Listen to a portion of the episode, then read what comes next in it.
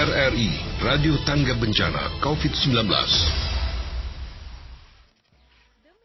Halo pendengar, salam jumpa bersama dengan kami di sini untuk Anda semuanya ya dalam sajian kami ke ruang dengar Anda. Saya Josrui, temani Anda semuanya di jumpa saat ini dari kami untuk Anda di siaran pembinaan bahasa dan sastra.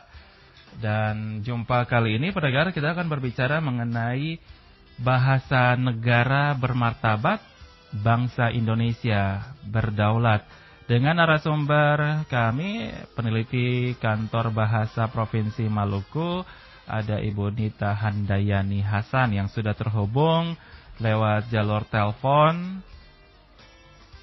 Dan langsung saja saya sapa. Halo Ibu Nita, selamat pagi jelang siang.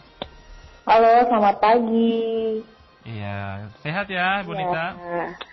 Alhamdulillah sehat.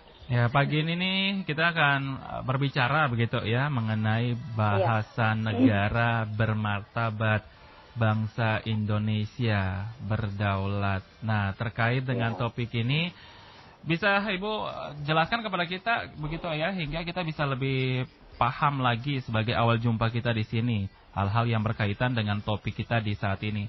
Bahasa negara bermartabat bangsa Indonesia berdaulat. Silakan Ibu Nita. Baik, terima kasih. Assalamualaikum warahmatullahi wabarakatuh. Selamat pagi para pendengar di mana pun Anda berada. Uh, saya sangat senang dapat berjumpa kembali pada siaran pembinaan bahasa dan sastra Indonesia.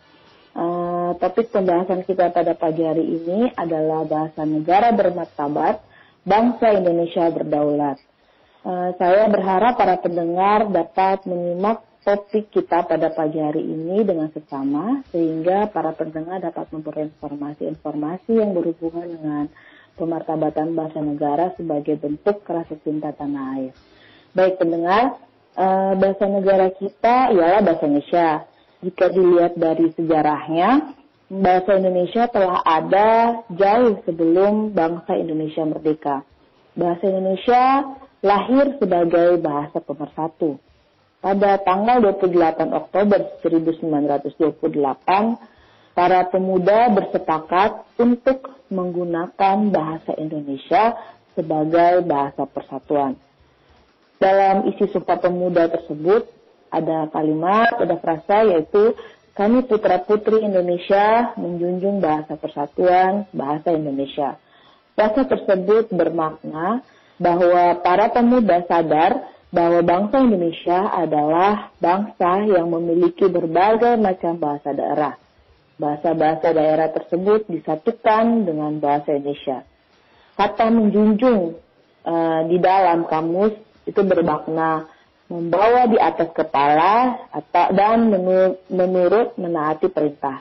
Oleh karenanya, frasa kami putra putri Indonesia menjunjung bahasa persatuan bahasa Indonesia seharusnya dimaknai bahasa Indonesia harus diletakkan lebih tinggi daripada bahasa yang lain yang ada di Indonesia, baik terhadap bahasa daerah maupun bahasa asing.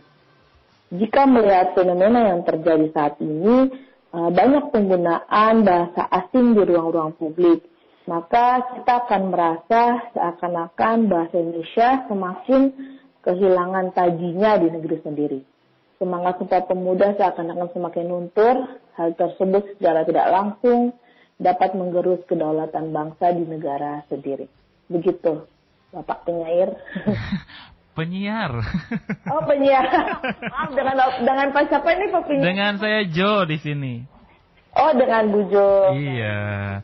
Nah tadi sempat disampaikan bahwa bahasa Indonesia ini kan harus lebih tinggi dari bahasa Betul. yang lainnya.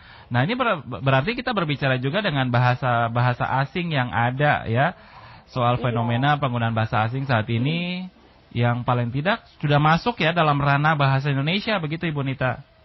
Iya banyak mencampur adukan antara bahasa asing dan bahasa Indonesia seperti hmm. itu ya Bu Jo ya. Iya. Ini bagaimana tentang soal fenomena penggunaan bahasa asing ini? Dapat dijelaskan lagi lebih rinci terkait dengan hal ini, Ibu Nita? Oke, baik, Bu Jo, para pendengar. Uh, fenomena penggunaan bahasa asing dapat kita temui pada pemilihan kata pada tulisan-tulisan di ruang publik. Uh, selain itu kita juga dapat menjumpai fenomena tersebut pada penggunaan bahasa asing, khususnya bahasa Inggris oleh anak-anak di sekolah dasar ya. Para orang tua seakan-akan uh, berlomba-lomba mewajibkan anaknya untuk mahir menggunakan bahasa asing dibandingkan menggunakan bahasa Indonesia. Jika hal tersebut terus-menerus dibiarkan, ya mungkin saja 20 atau sampai 30 tahun mendatang generasi kita akan lebih mahir berbahasa asing dibandingkan berbahasa Indonesia. Nah, dalam bahasa Indonesia itu terkandung budaya Indonesia. Budaya Indonesia merupakan jati diri kita dan menjadikan kita berbeda dengan bangsa lain. Oleh karena itu, jika anak-anak kita tidak lagi mencintai bahasanya, maka apakah suatu saat mereka akan menggadaikan bangsanya kepada bangsa lain? Nah, kekhawatiran tersebut dapat saya terjadi jika rasa cinta pada bahasa dan budaya mulai sem sudah semakin hilang dari dalam diri. Bahasa wajib, eh bahasa asing wajib dipelajari dan dikuasai. Kita harus mampu mempelajari bahasa asing karena bangsa kita merupakan bagian dari dunia. Namun hal tersebut jangan menjadi alasan untuk melupakan bahasa negara kita. Bukankah Cina, Jepang, Korea, atau negara-negara lainnya tetap menjadi bangsa yang besar walaupun walaupun tetap mempertahankan bahasanya. Justru saat ini bangsa-bangsa tersebut mampu memperkenalkan budayanya kepada dunia. Ketekunan Cina, Jepang, Korea dalam mempertahankan bahasanya haruslah menjadi contoh bagi kita untuk semakin mencintai bahasa kita. Seperti itu. Ya betul sekali ya, hingga paling tidak semua kita akan hmm. lebih tahu berbahasa Indonesia yang baik dan benar begitu ya. Jangan sampai bahasa Inggris yang lebih bahasa asing begitu ya, lebih iya. mendominasi ya. percakapan keseharian kita betul. begitu ya, Ibu Nita. Betul sekali. Hmm. Dalam perbincangan keseharian juga kan bukan cuma ada bahasa asing atau bahasa di luar ya. dari bahasa yang ada di bangsa kita. Ada juga bahasa-bahasa daerah bahasa ya. ini otomatis ada juga. Ini bagaimana dengan peran bahasa daerah sendiri begitu, Ibu Nita? Iya, baik, Bu Jo, para pendengar, bahasa daerah merupakan kekayaan bangsa yang tak ternilai harganya. Nah, bahasa, bangsa Indonesia merupakan bangsa ketiga pemilik bahasa daerah terbanyak di dunia. Keberagaman bahasa daerah yang ada di Indonesia harus terus-menerus dijaga dan dilestarikan bukanlah hal yang mudah untuk menciptakan suatu bahasa. Butuh eksistensi pemakaian dari generasi ke generasi. Oleh karena itu, bahasa daerah harus tetap ada sebagai pelengkap keberagaman bangsa. Di dalam bahasa daerah terkandung nilai-nilai kearifan lokal yang tak ternilai harganya. Bagi pemilik bagi para pemilik bahasa daerah, bahasa daerah dinilai mampu mengungkapkan hal-hal yang berkaitan dengan hubungan mereka dengan Tuhan, mendamaikan konflik, mempererat hubungan kekeluargaan, menunjukkan identitas, dan nilai-nilai lainnya. Orang-orang yang hidup di perantauan, contohnya ya, orang-orang yang hidup di perantauan akan merasa lebih dekat jika sama-sama berbahasa daerah. Biasanya mereka akan membentuk komunitas-komunitas dengan harapan agar mereka dapat saling melindungi satu dan lainnya di tanah rantau. Nah, hal-hal tersebutlah yang menunjukkan bahwa kita adalah Indonesia. Seperti itu, Jo.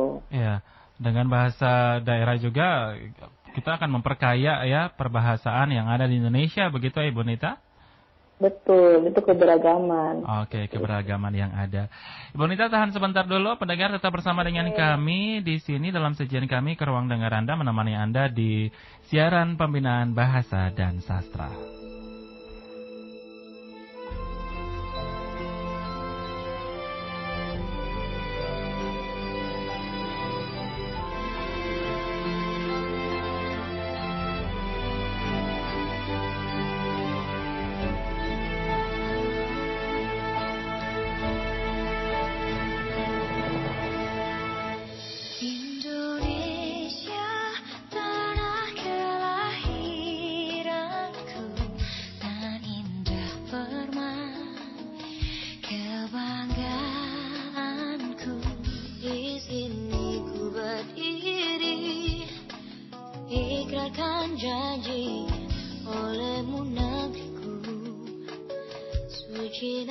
love.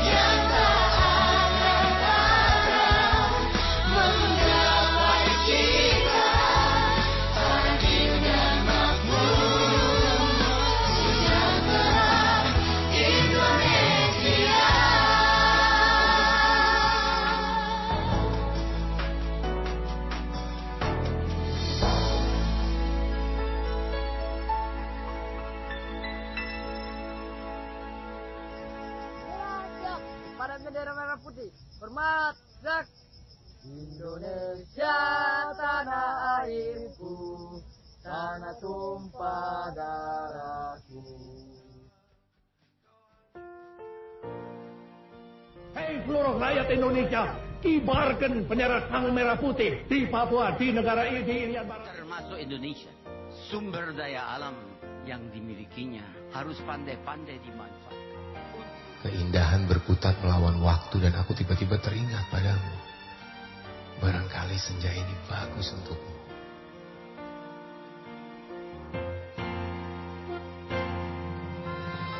Kekokohannya mampu menyatukan keberagaman bangsa Keindahannya mampu meluluhkan keberagaman hati yang mendengarnya, dan keteguhannya mampu membawa negeri ini bersatu dalam bineka tunggal ika. Itulah bahasa Indonesia.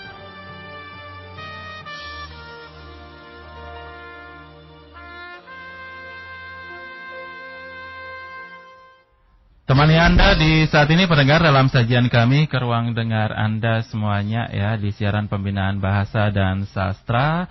Saya Josroi temani Anda semuanya pendengar dengan topik yang kami hadirkan ke ruang dengar Anda di saat ini bahasa negara bermartabat, bangsa Indonesia berdaulat dengan narasumber kami dari Kantor Bahasa Provinsi Maluku. Ibu Nita, Iya. Oke, tadi sempat kita berbicara ya terkait dengan iya. bahasa daerah, begitu ya. Iya. Nah, ada anggapan bahwa bahasa daerah ini akan, maaf ya, akan terlihat kampungan, begitu. Ini bagaimana dengan iya. hal tersebut? Iya, baik. Eh, juga terima kasih menurut saya anggapan tersebut merupakan hal yang salah ya. Hmm. Justru lewat bahasa daerah itu kita tahu jati diri kita itu seperti apa telah saya jelaskan sebelumnya bahwa di dalam bahasa daerah itu terkandung harta karun yang tak ternilai harganya. Bergantung dari kita sebagai generasi muda, apakah mau menggali harta karun tersebut atau meninggalkannya atau bahkan membuangnya. Nah saat ini banyak generasi muda yang terjebak pada krisis jati diri. Mereka bahkan e, lebih sering e, mencontoh budaya dari negara asing. Padahal budaya asing itu tidak sesuai dengan pola kehidupan yang ada di negara kita.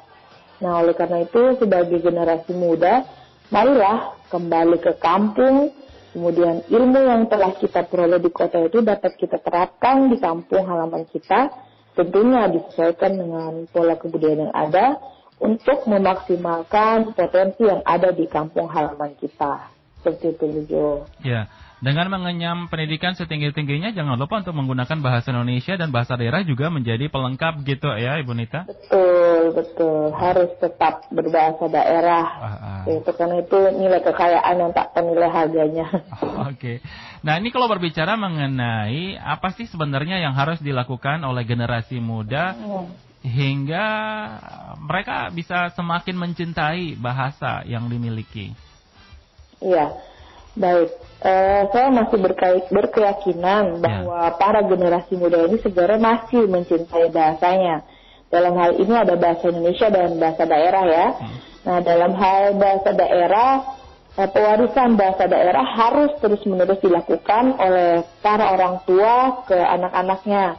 Para orang tua harus terus-menerus menggunakan bahasa daerah dalam berkomunikasi dengan anak-anaknya di rumah agar anak-anaknya terbiasa menggunakan bahasa daerah.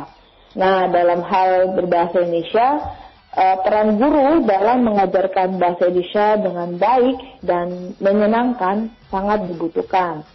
Saat ini banyak media yang dapat dimanfaatkan oleh para guru agar suasana belajar di kelas, khususnya mata pelajaran bahasa Indonesia, dapat berlangsung dengan maksimal serta dapat diterapkan oleh para murid di kehidupan sehari-hari. Yeah. Nah, selain itu, mm, mungkin dibutuhkan uh, pelatihan khusus kali ya yang ditujukan bagi para generasi muda dalam hal cinta tanah air Nah mungkin dulu bentuknya seperti pelatihan P4 ya seperti itu. Betul, betul. Nah terserahlah sekarang mau bentuknya seperti apa ya disesuaikan dengan situasi zaman ya.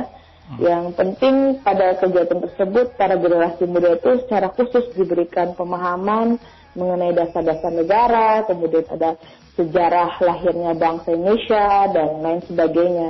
Nah, itu bisa membantu para generasi muda itu lebih mengenal lagi uh, dan menumbuhkan rasa cinta tanah air. Ya. Itu, Kalau dilihat di lapangan atau juga paling tidak di sekolah, di kampus, apakah generasi muda ini sangat mencintai bahasa Indonesia, bahasa daerah begitu? Iya, sebenarnya uh, masih banyak yang mencintai bahasa Indonesia dan bahasa daerah, tapi uh, kadang kalau ber, ber, mereka bertemu dalam komunitas yang sama itu kayak seperti merasa itu malu gitu dengan hmm. mengucapkan itu yeah. gitu. Padahal sebenarnya sama saja, jangan merasa seperti itu. Berarti kan tidak pede ya. Betul. Nah, malah kalau ketemu dengan bahasa Inggris kayaknya lebih kesannya dia terlihat lebih cakap padahal kan tidak juga. Iya. Ada tempatnya begitu ya untuk berbahasa iya. asing, yeah. begitu ya Bu Nita? Betul. Jangan maksudnya di, lagi diangkat kemudian tiba-tiba bicara bahasa asing kan agak lucu ya Bu Jo ya. Uh. Kenapa tidak pakai bahasa Indonesia aja atau pakai bahasa daerah juga tidak masalah sebenarnya. Oke. Okay. Nah, ada stigma yang berkembang bahwa bahasa Indonesia adalah bahasa yang sulit. Ini bagaimana? iya, baik pendengar. Kalau menurut saya semua pelajaran yang dianggap sulit pasti hasilnya akan sulit ya pasti dipahami ya. Jadi anggapan mempelajari bahasa Indonesia itu sulit itu harus diubah menjadi mempelajari bahasa Indonesia itu sangat mudah. Nah, hanya orang Indonesia sebenarnya yang merasa bahasa Indonesia itu sulit. E, mau dilihat dari ini ya trennya banyak orang asing yang mau mempelajari bahasa Indonesia hingga mampu berbahasa Indonesia dengan baik dan benar. Nah, kami di Badan Pengembangan Bahasa itu ada program banget program pembelajaran pembelajaran bahasa Indonesia bagi penutur asing yang dikenal dengan program BITA. Program tersebut telah tersebar di seluruh dunia. Saat ini ada sekitar 30 negara yang telah menyelenggarakan program BITA tersebut. Nah, hal tersebut menunjukkan besarnya animo masyarakat di dunia untuk mempelajari bahasa Indonesia. Tingginya animo masyarakat dunia dalam mempelajari bahasa Indonesia juga disebabkan oleh uh, mudahnya sebenarnya dalam belajar bahasa Indonesia itu. Nah, dalam bahasa Indonesia itu bahasa Indonesia dianggap bahasa yang mudah oleh para penutur asing itu jika dibandingkan dengan bahasa Inggris atau bahasa bahasa Arab. Dalam bahasa Indonesia kita tidak mengenal sistem tensis. Nah, seperti itu. Jadi yang jadi pertanyaan, mengapa kita sebagai orang Indonesia sangat mahir menghafal tensis yang sangat banyak itu dibandingkan mungkin mempelajari ejaan ataupun pembentukan kalimat dalam kalimat bahasa Indonesia. Nah, semestinya kita harus berbangga dengan bahasa Indonesia itu. Yeah. Itu Bejo. Tanpa kita pelajari bahkan kita sendiri sudah bisa berbahasa Indonesia begitu ya.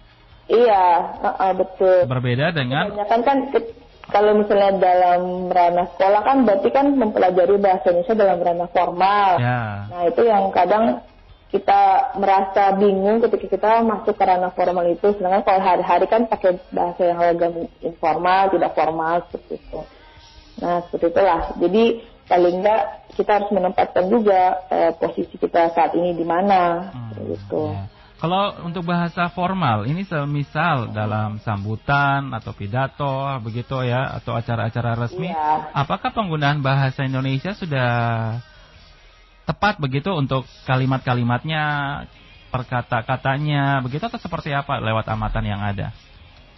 Ya, sebenarnya kalau dalam misalnya situasi formal, struktur bahasa memang sangat diperlukan. Ya. Tapi karena ini bahasanya lisan, ya. memang kadang ada kesalahan-kesalahan penempatan kata seperti itu. Okay. Nah, tapi yang jadi masalah ini ketika kita ada di bahasa tulis. Nah, kan uh, yang suka pusing itu ketika bahasa lisan dimasukkan dalam bahasa tulis Nah itu yang salah gitu, apalagi ini formatnya mungkin dalam penyusunan skripsi atau penyusunan secara ilmiah. Nah itu yang salah penempatan. Hmm. Ya keterbiasaan untuk menggunakan bahasa yang non formal ini menjadikan kita terbiasa menulis dalam bahasa non formal. Padahal kalau misalnya itu ranahnya uh, mungkin formal harus menggunakan bahasa yang formal.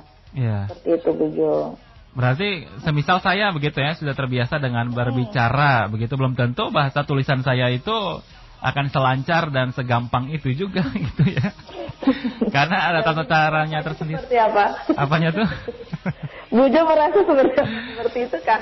Uh, tidak juga yang penting kita berbicara membu uh, tidak usah dengan bahasa yang terlalu tinggi, simpel saja. Yang penting orang mengerti, saya juga mengerti begitu ya. Iya, tapi kadang uh, penempatan katanya yang salah. Nah, itu dia. Menemukan, iya, menemukan kalimat yang mana, di mana dalam kalimat itu kan tiba-tiba misalnya dalam pejabat memberikan sambutan, kemudian dia menggunakan yang mana ini adalah produk. Nah, itu kan salah sebenarnya penempatan kali kata itu. Sedangkan kata yang mana dan di mana itu kan kali bentuk kalimat tanya.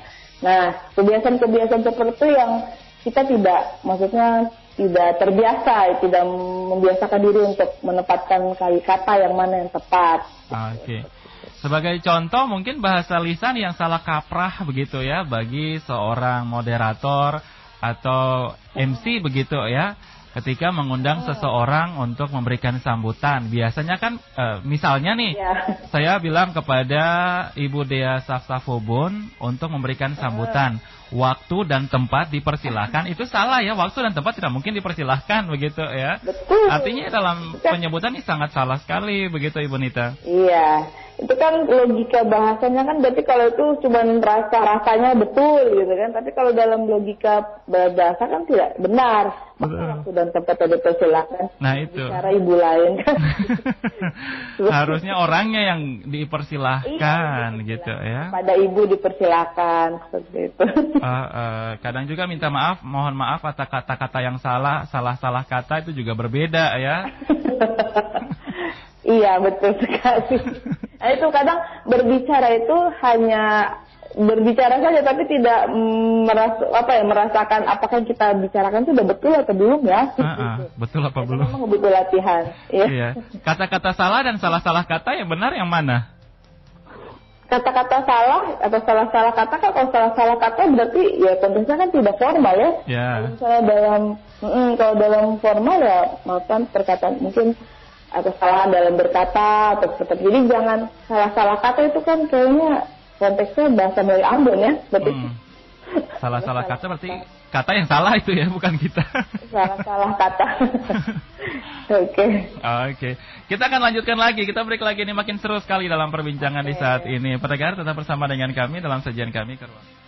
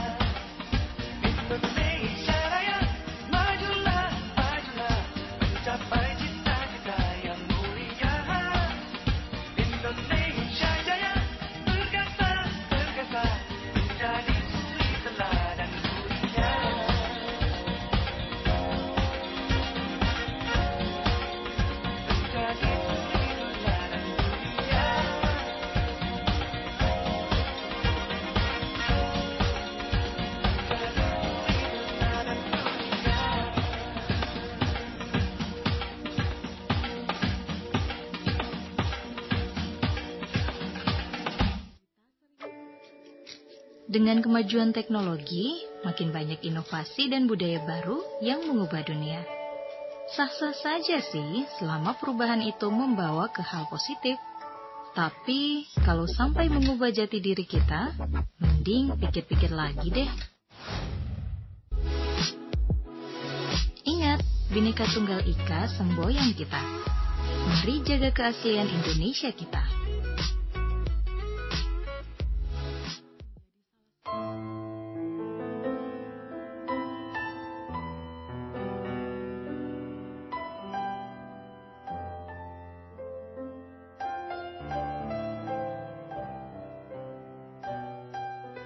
Begitu lama kita arungi belantara Nusantara. Dalam semangat Pancasila, kita adalah kebinekaan yang terjaga. Satu nusa, satu bangsa, satu bahasa, satu tujuan. Bineka Tunggal Ika menjadi cangkir minuman kita. Saudara-saudari setanah air harus serasa dalam secangkir, siang ataupun malam pagi, ataupun petang. Jangan sampai kita tinggalkan lingkaran indah perbedaan di bawah tiang merah putih bersama untuk saling menghormati, bersama untuk saling menghargai. Biarkan sang saka terus berkibar pada semangat yang hendak memudar, karena kita sudah merdeka. Karena kita bangsa merdeka. Karena itu, mari kita kecapi minuman kebinekaan, minuman cinta persaudaraan, minuman cinta persatuan dalam secangkir yang tidak akan terpecahkan.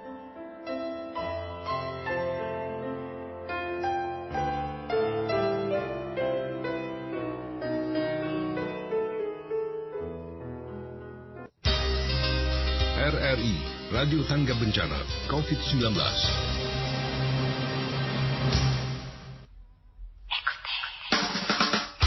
Kami temani Anda di sini penegara dalam sajian kami untuk Anda ya di siaran siaran pembinaan bahasa dan sastra dengan topik yakni bahasa bahasa negara bermartabat bangsa Indonesia berdaulat. Ibu Nita. Iya. Oke. Okay. Ini masih berbicara mengenai hal yang kita bahas dari tadi begitu ya. Tadi sempat iya. kita dengar ada iklan yang mengatakan bahwa kita bangsa yang merdeka. Bangsa merdeka kalau versi saya kita harus menggunakan kekayaan yang kita miliki yakni bahasa itu sendiri begitu ya. Jangan dijajah lagi dengan bahasa asing yang seakan-akan itu menjadi hal yang utama dalam keseharian kita begitu ya Bu Nita. Betul sekali kan kita bisa lihat uh, misalnya contoh uh, contohnya negara Jepang atau Korea hmm, yeah. kan mereka dengan bahasanya yang sangat berbeda ya ada juga mereka juga memperkenalkan tulisan mereka juga tapi apa ya saat, saat ini mereka bisa uh, apa menunjukkan bahwa bangsa lain harus mempelajari bahasa mereka gitu. Betul. Nah kenapa kita yang memang sudah punya bahasa sendiri uh, harus ikut-ikutan mau apa ya terlalu menyukai bahasa orang lain bangsa yeah. lain seperti itu padahal kita punya punya bahasa yang sangat apa ya mempersatu mempersatukan seluruh uh, dari Sabang sampai Merauke seluruh Indonesia seperti ya kalau dilihat ya, dari uh, merasa apa ya merasa malu gitu dengan bahasa kita Betul. sendiri seperti hmm. itu kalau dilihat dari minat uh, dari warga negara asing begitu akan kes kesukaan terhadap bahasa Indonesia itu cukup tinggi ya? Iya betul.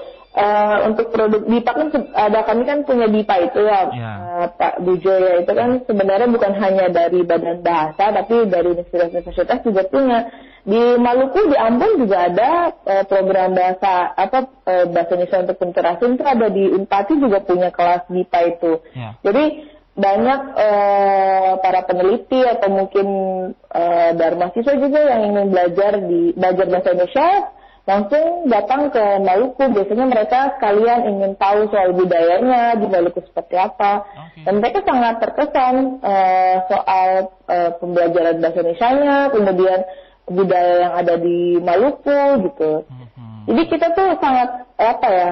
Apa mereka tuh sangat tertarik dengan kebudayaan kita gitu Ya. Jadi mereka datang untuk belajar bahasa Indonesia yang dat yang ke Indonesia ya. ya. Biasanya sekalian juga uh, ingin lihat uh, potensi budaya apa yang ada di sini. Nah kita sendiri yang ada di sini kadang tidak merasa itu penting. Betul. padahal padahal mereka jauh-jauh datang untuk belajar untuk lihat ya kita ya tidak tahu ya bagaimana ada tren seperti itulah. Ya. Anak-anak muda saat ini banyak ada beberapa teman saya yang datang dari luar juga oh. mereka ingin sekali begitu ya jangan hanya menerjemahkan tapi juga memperkenalkan begitu ya bahasa iya. yang kita miliki kadang mereka bisa membawa oleh-oleh ke sana dalam artian bukan cuma dalam bentuk uh, barang tapi bahasa yang mereka bawa ke sana itu juga menjadi suatu iya. kebanggaan begitu ya Betul. Jadi kita nih ada kebiasaan ketika ada orang bule datang, kita langsung bilang, Hai Mister, how are you? Gitu kan kita langsung menyapanya dengan bahasa mereka. Padahal kalau misalnya kita sapa saja dengan apa kabar gitu kan? Mereka pasti akan menjawab karena mereka belajar iya, itu. Iya akan menjawab. Iya dan mereka tuh sebenarnya ingin seperti itu gitu. Ingin ingin tahu apa sih bahasa mungkin dalam menyapa gitu. Mereka ingin tahu sebenarnya. Dan semestinya ketika mereka datang ke kita, mereka belajar bahasa kita dulu baru mereka, maksudnya biar mereka bisa berinteraksi dengan kita kan. Masa kita yang terlalu baik untuk apa ya mempelajari bahasa mereka ketika mereka datang ke negara kita sendiri. Nah, ya pemikiran seperti itu ya harus diubah lah. Uh, uh. Seperti itu. Adakah produk-produk iya. bahasa Indonesia yang disesuaikan dengan perkembangan zaman begitu Ibu Nita? Iya, iya baik. Uh, Bu memang ada kita untuk pengembangan produk-produk kebahasaan itu memang kita sesuaikan juga dengan perkembangan zaman uh, itu pengembangan produk itu biasanya dilakukan oleh uh, Badan Pengembangan dan Pembinaan Bahasa itu ada mereka itu unit eselon kami di Jakarta. Nah di sana kami mengembangkan ada suatu produk namanya Kamus KBBI, Kamus Besar Bahasa Indonesia dalam bentuk daring dan luring. Nah hal tersebut KBBI KBBI daring dan luring itu memudahkan kita untuk mengakses KBBI di mana pun dan kapan pun saja. Dengan adanya KBBI daring dan luring itu, sehingga kesalahan-kesalahan penulisan kata dan ketidaksesuaian kata dapat dihindari. Okay. Nah KBBI, iya KBBI yang asli itu kan banyak juga kita lihat di Play Store itu kan aplikasi Play Store itu ada beberapa KBBI, tapi yang asli buatan Badan Pengembangan Penggunaan Bahasa itu yang berwarna biru dan di bagian tangannya itu ada logo Tuturi Handayani.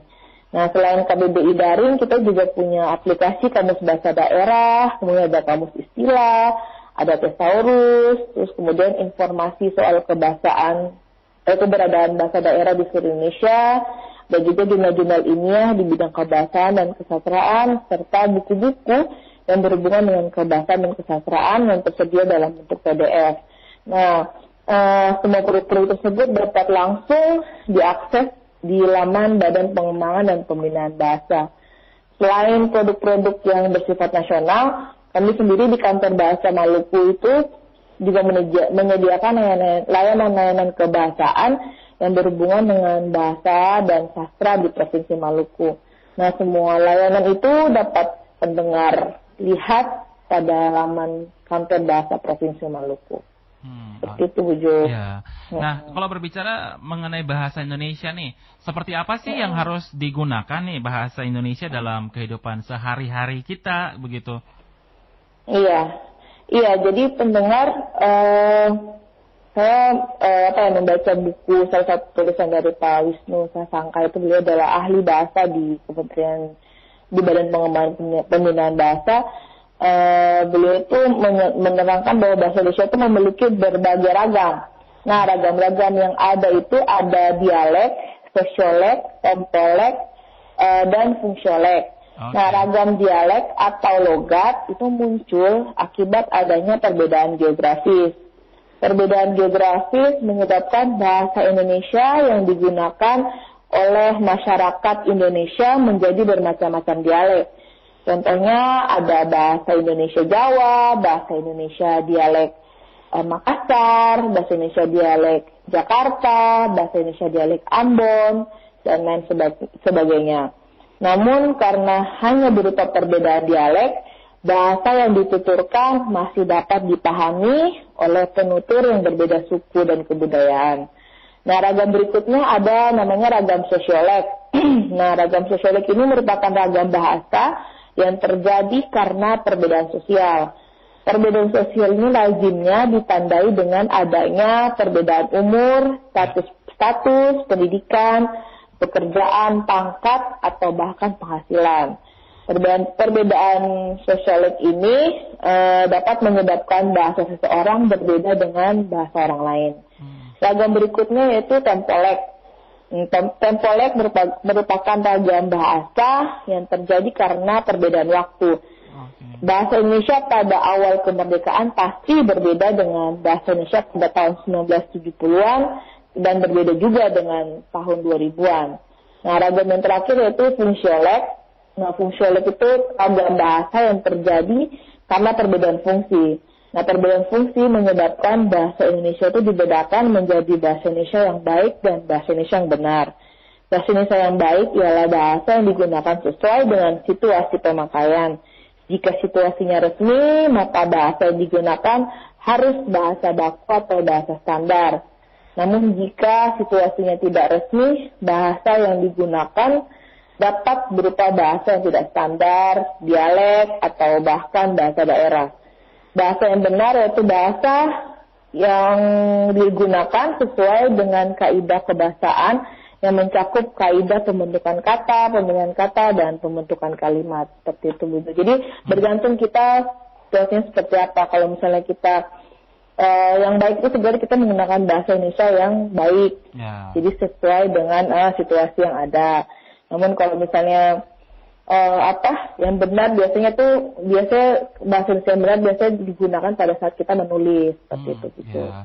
Berarti tadi sempat dikatakan bahasa yang bahasa Indonesia 20 tahun lalu sampai sekarang ada perubahan hmm. begitu ya. Nanti ke depannya juga ada perubahan yeah. lagi begitu ya.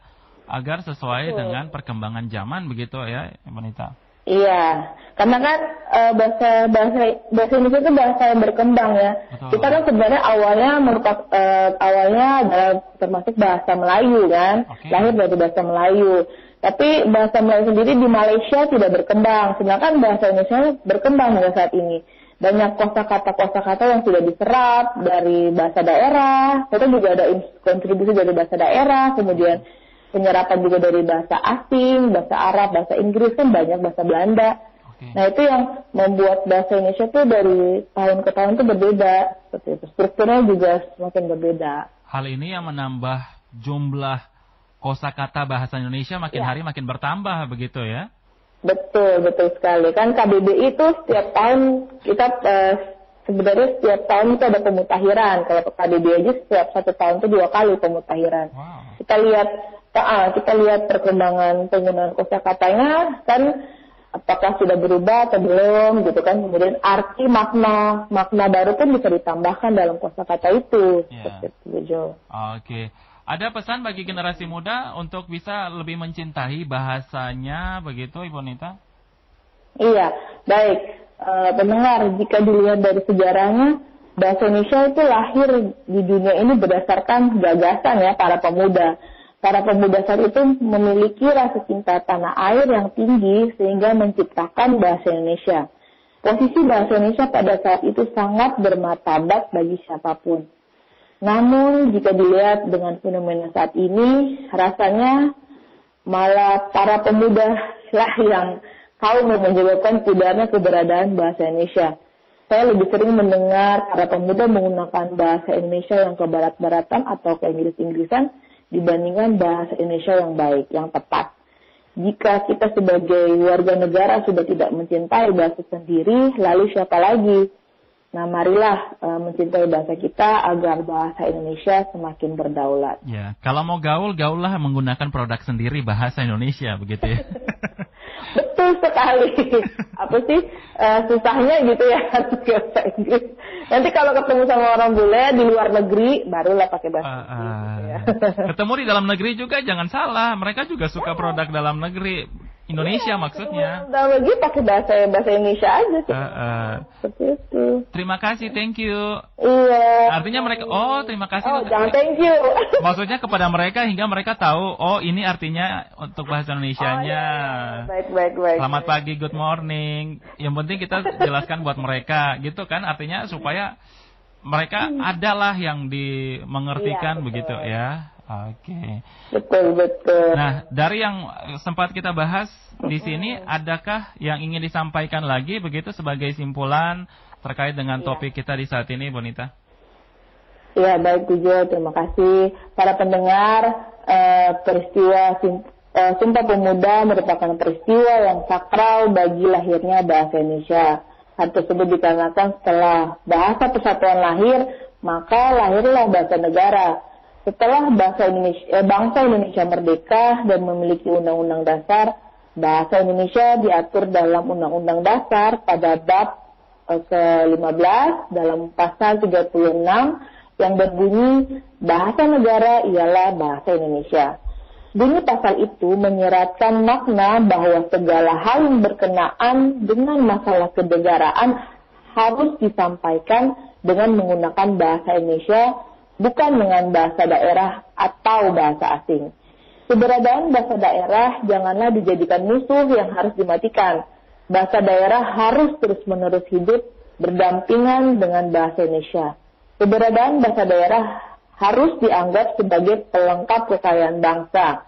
Merawat bahasa daerah merupakan bentuk apresiasi yang dalam pada kekayaan budaya bangsa.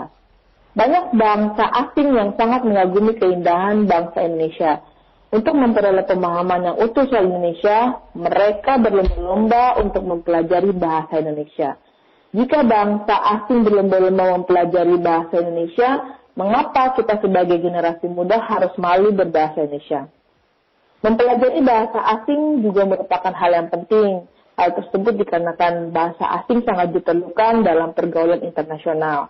Namun, pemahaman tersebut jangan sampai kebablasan. Kita harus mampu menempatkan penggunaan bahasa. Jika kita sedang berkomunikasi dengan orang asing di forum-forum internasional, kita dapat menggunakan bahasa asing. Jika kita bertemu dengan rekan satu kampung, kita dapat menggunakan bahasa daerah. Dan jika kita bertemu dengan siapa saja, kita harus menggunakan bahasa Indonesia. Seperti itu. Selain simpulan topik, itu, kita pada siang hari ini, saya ingin juga menyampaikan bahwa eh, informasi-informasi yang berhubungan dengan kebahasaan dan kesastraan, eh, serta kegiatan-kegiatan di kantor bahasa provinsi, provinsi Maluku dapat dilihat di laman kantor bahasa, itu lewat www.kantorbahasamaluku.kemdikbud.go.id. Anda juga dapat bergabung dengan media sosial kami berupa Facebook, Instagram, dan Twitter. Kantor Bahasa Maluku juga memiliki produk dalam bidang dan penulisan ilmiah maupun non ilmiah. Di ranah ilmiah kami memiliki jurnal Tata Buang, sedangkan di ranah non ilmiah kami memiliki majalah di bahasa Kuli. Majalah tersebut bisa dibaca dengan dua bahasa, yaitu bahasa Indonesia dan bahasa daerah. Uh, kami juga sangat terbuka bagi siapa saja yang ingin menulis di kedua media tersebut. Informasi-informasi yang berhubungan dengan kedua media tersebut dapat dilihat pada laman kantor bahasa Maluku titik.kemdikbud.go.id. Terima kasih atas perhatian para pendengar. Semoga apa yang saya sampaikan pada pagi hari ini dapat bermanfaat bagi kita semua. Mohon maaf jika terdapat kesalahan pada penyampaian saya pada pagi hari ini. Kekurangan pasti milik saya, kesempurnaan hanya milik Allah Subhanahu wa taala. Wabillahi taufiq hidayah. Wassalamualaikum warahmatullahi wabarakatuh. Selamat pagi. Terima kasih Bu Jo. Terima kasih juga. Sehat selalu Ibu Nita. Iya. Oke. Pendengar demikian bincang-bincang kami di sini ya dalam siaran pembinaan bahasa dan sastra yang menghadirkan topik di saat ini bahasa negara bermartabat bangsa Indonesia berdaulat dengan sajian kami bersama dengan peneliti kantor bahasa Provinsi Maluku Ibu Nita Handayani Hasan dengan pembicaraan yang sudah kami hadirkan ke ruang dengar Anda di jumpa saat ini.